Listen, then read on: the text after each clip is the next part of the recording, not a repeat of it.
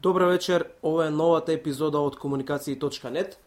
Јас сум Мите и оваа вечер ќе бидам сам со вас. Дарко и Сеат нема да бидат вклучени во овој подкаст.